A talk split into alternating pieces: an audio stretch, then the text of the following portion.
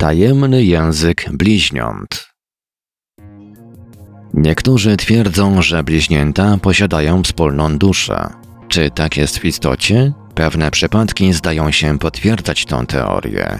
Jak choćby historia June i Jennifer Gibbons, niezwykłych bliźniaczek, które stworzyły własny świat i własny język. June i Jennifer Gibbons były córkami zachodnioindyjskich emigrantów Glory i Obreya Gibbonsów. Gloria była gospodynią domową. Aubrey pracował jako technik w brytyjskich królewskich siłach powietrznych. Wkrótce po narodzinach w Barbados córek rodzina przeniosła się do Haverford West w Walii. June i Jennifer już od wczesnego dzieciństwa zachowywały się dziwnie, zupełnie tak, jakby stanowiły jedną osobę. Bliźniaczki wszędzie chodziły razem, równocześnie wykonywały te same czynności, jednogłośnie wypowiadały te same kwestie i miały wady wymowy, które powodowały, że znajomym i rodzinie zrozumienie mowy sióstr przyszło z dużym trudem. Dziewczynki niezbyt często bawiły się z innymi dziećmi. Nauka w szkole była dla dziewczynek przeżyciem traumatycznym. Były one jedynymi ciemnoskórymi dziećmi w szkole i w pewnym momencie rówieśnicy dokuczali im tak mocno, że dyrekcja szkoły zdecydowała o kontynuowaniu edukacji dziewczynek w domu. W tym czasie język, w jakim porozumiewały się bliźniaczki, stał się bardziej specyficzny i zupełnie niezrozumiały dla osób postronnych. Bliźniaczki rozmawiały tylko między sobą i ich młodszą siostrą Rose. Coraz bardziej się też izolowały. Uzupełniały każde zdanie i często wydawało się, że porozumiewają się tylko za pomocą spojrzenia lub wyrazu twarzy. Gdy dziewczynki miały 14 lat i gdy terapeuci nie zdołali przekonać ich do nawiązania kontaktu z innymi ludźmi, podjęto decyzję o wysłaniu dziewczynek do dwóch różnych szkół z internatem. To była katastrofa. Dziewczynki stały się katatoniczne i całkowicie zerwały kontakt ze światem zewnętrznym. Gdy dziewczynki zostały ponownie połączone, przez dwa lata izolowały się od reszty świata, siedząc w sypialni. Matka zostawiała im posiłki pod drzwiami. Wówczas bliźniaczki zajęły się dość złożoną zabawą lalkami.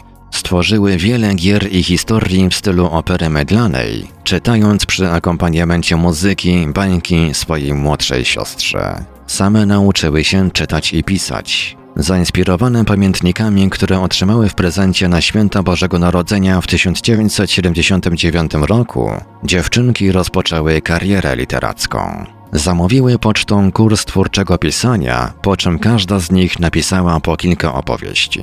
Zbiór opowiadań, który ukazał się najpierw w Stanach Zjednoczonych, zawierał historie opisujące losy młodych ludzi, którzy charakteryzowali się dziwnymi, częstokroć zbrodniczymi zachowaniami. W powieści Pepsi Cola Addict autorstwa June bohater, uczeń szkoły wyższej, zostaje uwiedziony przez nauczyciela, po czym ląduje w zakładzie poprawczym, gdzie straż o zapętach homoseksualnych wykorzystuje go seksualnie. W powieści Pagelist autorstwa Jennifer lekarz jest tak zdesperowany, że aby uratować życie swojego dziecka, zabija własnego psa, aby otrzymać serce do przeszczepu. Dusza psa przechodzi do ciała dziecka i ostatecznie dziecko mści się na ojcu.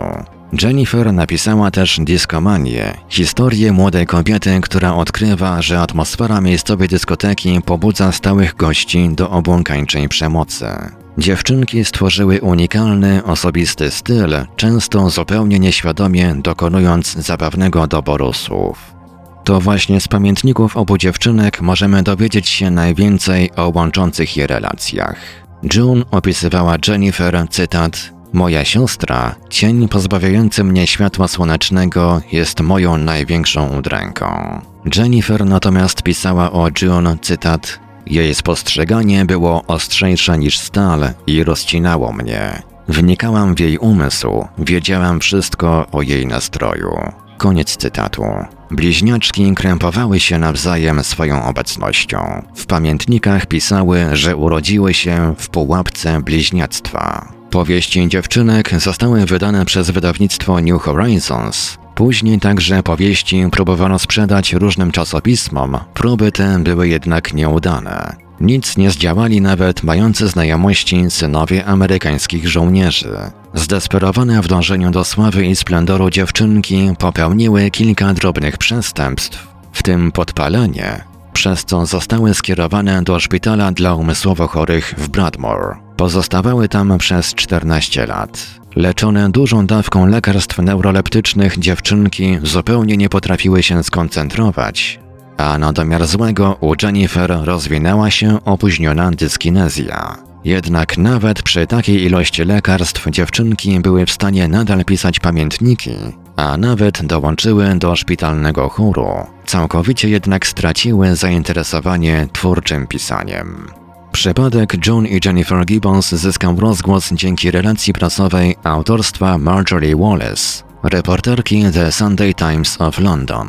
Dziewczyny stały się bardzo popularne w USA wkrótce po tym, jak brukowiec The Sun dokładnie opisał ich historię i opatrzył ją tytułem Genialne bliźnięta, które nie chcą mówić. Tytuł stanowił nawiązanie do badań przeprowadzonych w Bradmore. Według Wallace dziewczyny utrzymywały niewypowiedziane porozumienie, że jeśli któraś z nich umrze, to druga zacznie normalnie mówić i prowadzić normalne życie. Podczas pobytu w szpitalu umówiły się, że ofiarą będzie Jennifer. W kilka godzin po wypuszczeniu dziewczyn ze szpitala w 1993 roku Jennifer nagle umarła na zawał serca. Nie było żadnych dowodów na to, że śmierć mogły wywołać lekarstwa. Do dziś śmierć Jennifer pozostaje zagadką. June nie mogła się pogodzić ze stratą siostry. Przeżyła czas rozłąki, ale do końca twierdziła, że wraz z odejściem siostry utraciła swoją tożsamość. June udzieliła też kilku wywiadów gazetom Harper's Bazaar i The Guardian. Stała się bardziej komunikatywna i była w stanie rozmawiać z innymi ludźmi. Mieszkała w rodzinnym domu w Haverford West do 2005 roku, kiedy przeprowadziła się do pobliskiego miasteczka do swojej lesbijskiej partnerki. June obserwuje kolejne reedycje swoich opowiadań, choć uważa swoje wczesne dokonania literackie za niezbyt udane. Gdy w 2003 roku ukazała się książka autorstwa Marjorie Wallace, zbiorek opowiadań Pepsi Cola Addict nabrał wartości kolekcjonerskiej i do dziś ukazało się kilka jego reedycji. Innym przykładem bliźniąt, które wytworzyły swój własny unikalny język, są urodzeni w 2002 roku bracia Luke i Jack Ryan. Bliźniaki co prawda używały na początku normalnych wyrazów typu mama i tata, z czasem jednak wytworzyły swój własny język, którym porozumiewają się między sobą, a którego nie rozumieją osoby postronne. Języka bliźniaków nie rozszyfrowali do końca nawet ich rodzice Richard i Hayley Ryan. Dlatego też z pomocą lekarza opracowali terapię mającą na celu nauczenie Luka i Jacka normalnej mowy.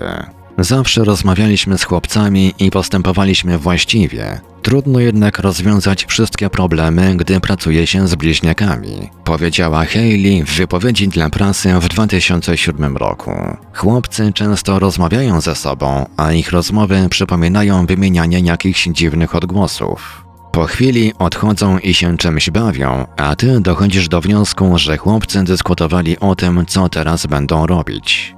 Oni się rozumieją, ponieważ rozwinęli między sobą jakiś rodzaj skrótu, ale nie jestem w stanie stwierdzić, o czym rozmawiają. Wiele ich zwrotów przypomina taką leniwą wersję języka angielskiego. Koniec cytatu. Ryanowie mówią, że choć od momentu wysłania bliźniaków do przedszkola lepiej sobie radzą z używaniem normalnej mowy, to ludzie nadal mają trudności ze zrozumieniem, co chłopcy mówią. Cytat. Chłopcy cieszą się z towarzystwa innych dzieci i uwielbiają być razem, zawsze też śmieją się razem. Wytworzyła się między nimi prawdziwa więź, która moim zdaniem jest uwydatniona przez ich język. Chłopcy próbują mówić po angielsku i potrafią nawet powiedzieć pewne słowa, nadal jednak w każdym zdaniu używają przynajmniej kilku słów, których nie zrozumiesz. Koniec cytatu. Jane Denton, dyrektor fundacji Multiple Births Foundation, powiedziała, że problemy w rozwoju mowy często występują u bliźniaków, ponieważ przeważnie rodzą się przedwcześnie. Cytat. Rzadko dzieci w wieku do 4 lat kontynuują posługiwanie się własnym językiem. Większość wyrasta z tego z wiekiem, gdy zaczynają rozmawiać z dorosłymi i chodzić do szkoły. Mama ma rację, obawiając się z powodu języka dzieci. Czyni jednak właściwe kroki ku temu, aby poprawić ich mowę. Koniec cytatu. Innymi znanymi bliźniakami, które wykształciły swój własny język, są urodzone w 1970 roku Grace i Virginia Kennedy.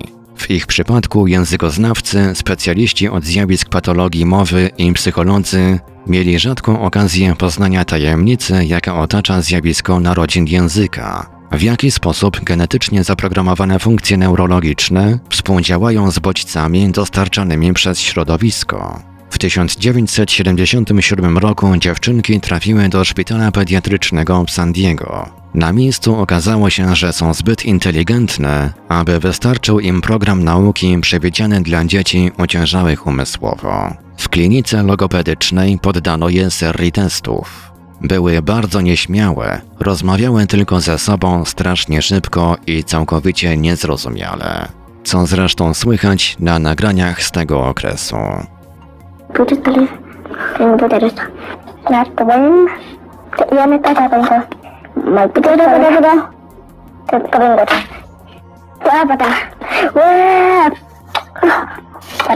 Ayo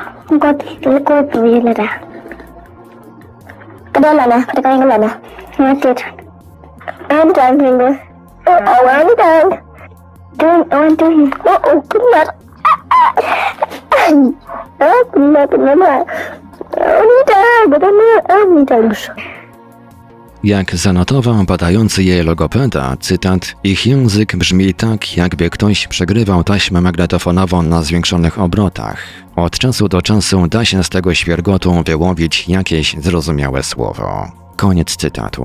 Bliźniaczki uczęszczały na zajęcia dla dzieci cierpiących na poważne wady wymowy oraz specjalne zajęcia w ramach terapii klinicznej. Niełatwe zadanie rozszyfrowania języka sióstr powierzono dwóm psycholingwistom z Uniwersytetu Kalifornijskiego, Richardowi Mayerowi i Elisie Newport. Sesje terapeutyczne nagrywano na wideofonie. Następnie taśmy odtwarzano w zwolnionym tempie, starając się odgadnąć powiązania między niezrozumiałymi zbitkami dźwięków a przedmiotami, których nazwy stanowiły zapewne te dziwaczne wyrazy. Badacze zapisywali dialogi dziewczynek w transkrypcji fonetycznej, starając się przy tym dzielić długie ciągi zgłosek na jednostki syntaktyczne i leksykalne. W międzyczasie logopedzi próbowali nauczyć dziewczynki języka angielskiego. Dziewczynki miały jednak ogromne problemy z nauką języka. Nie potrafiły łączyć poszczególnych sylab w wyrazy. Po wielu tygodniach dwóm nauczycielkom udało się poznać podstawy prywatnego języka dziewczynek. Gdy jednak próbowały z nimi porozmawiać w ich języku, bliźniaczki najczęściej nie odpowiadały lub wybuchały śmiechem. Z rodzicami z kolei dziewczynki porozumiewały się po angielsku, ale były to tylko pojedyncze słowa, których nigdy nie nauczyły się łączyć w zdania. Mówiły na przykład chcę woda, chcę cukier albo pić sok.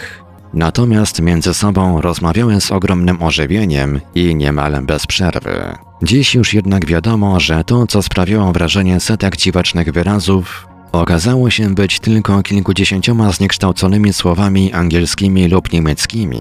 Przez pewien czas dziewczynki wychowywała babcia z Niemiec, kompletnie nie znająca angielskiego, wypowiadanymi w bardzo szybkim tempie. Stąd też pierwsze wrażenie językoznawców, że mowa bliźniaczek zmieniała się za każdym razem, gdy dokonywano kolejnego nagrania. W gruncie rzeczy język Virginii i Grace był czymś w rodzaju szczególnej odmiany fonetycznej języka angielskiego z nieznacznymi wpływami języka niemieckiego. Rozszyfrowano nawet jedną z ostatnich tajemnic. Słowo Tulejmeja okazało się zniekształconym o solemio, zwrotem którego rodzina Kennedy używa jako żartobliwego określenia spaghetti. Oto kilka najbardziej znanych historii rodzeństw, które wytworzyły swój własny, niezrozumiały dla innych język.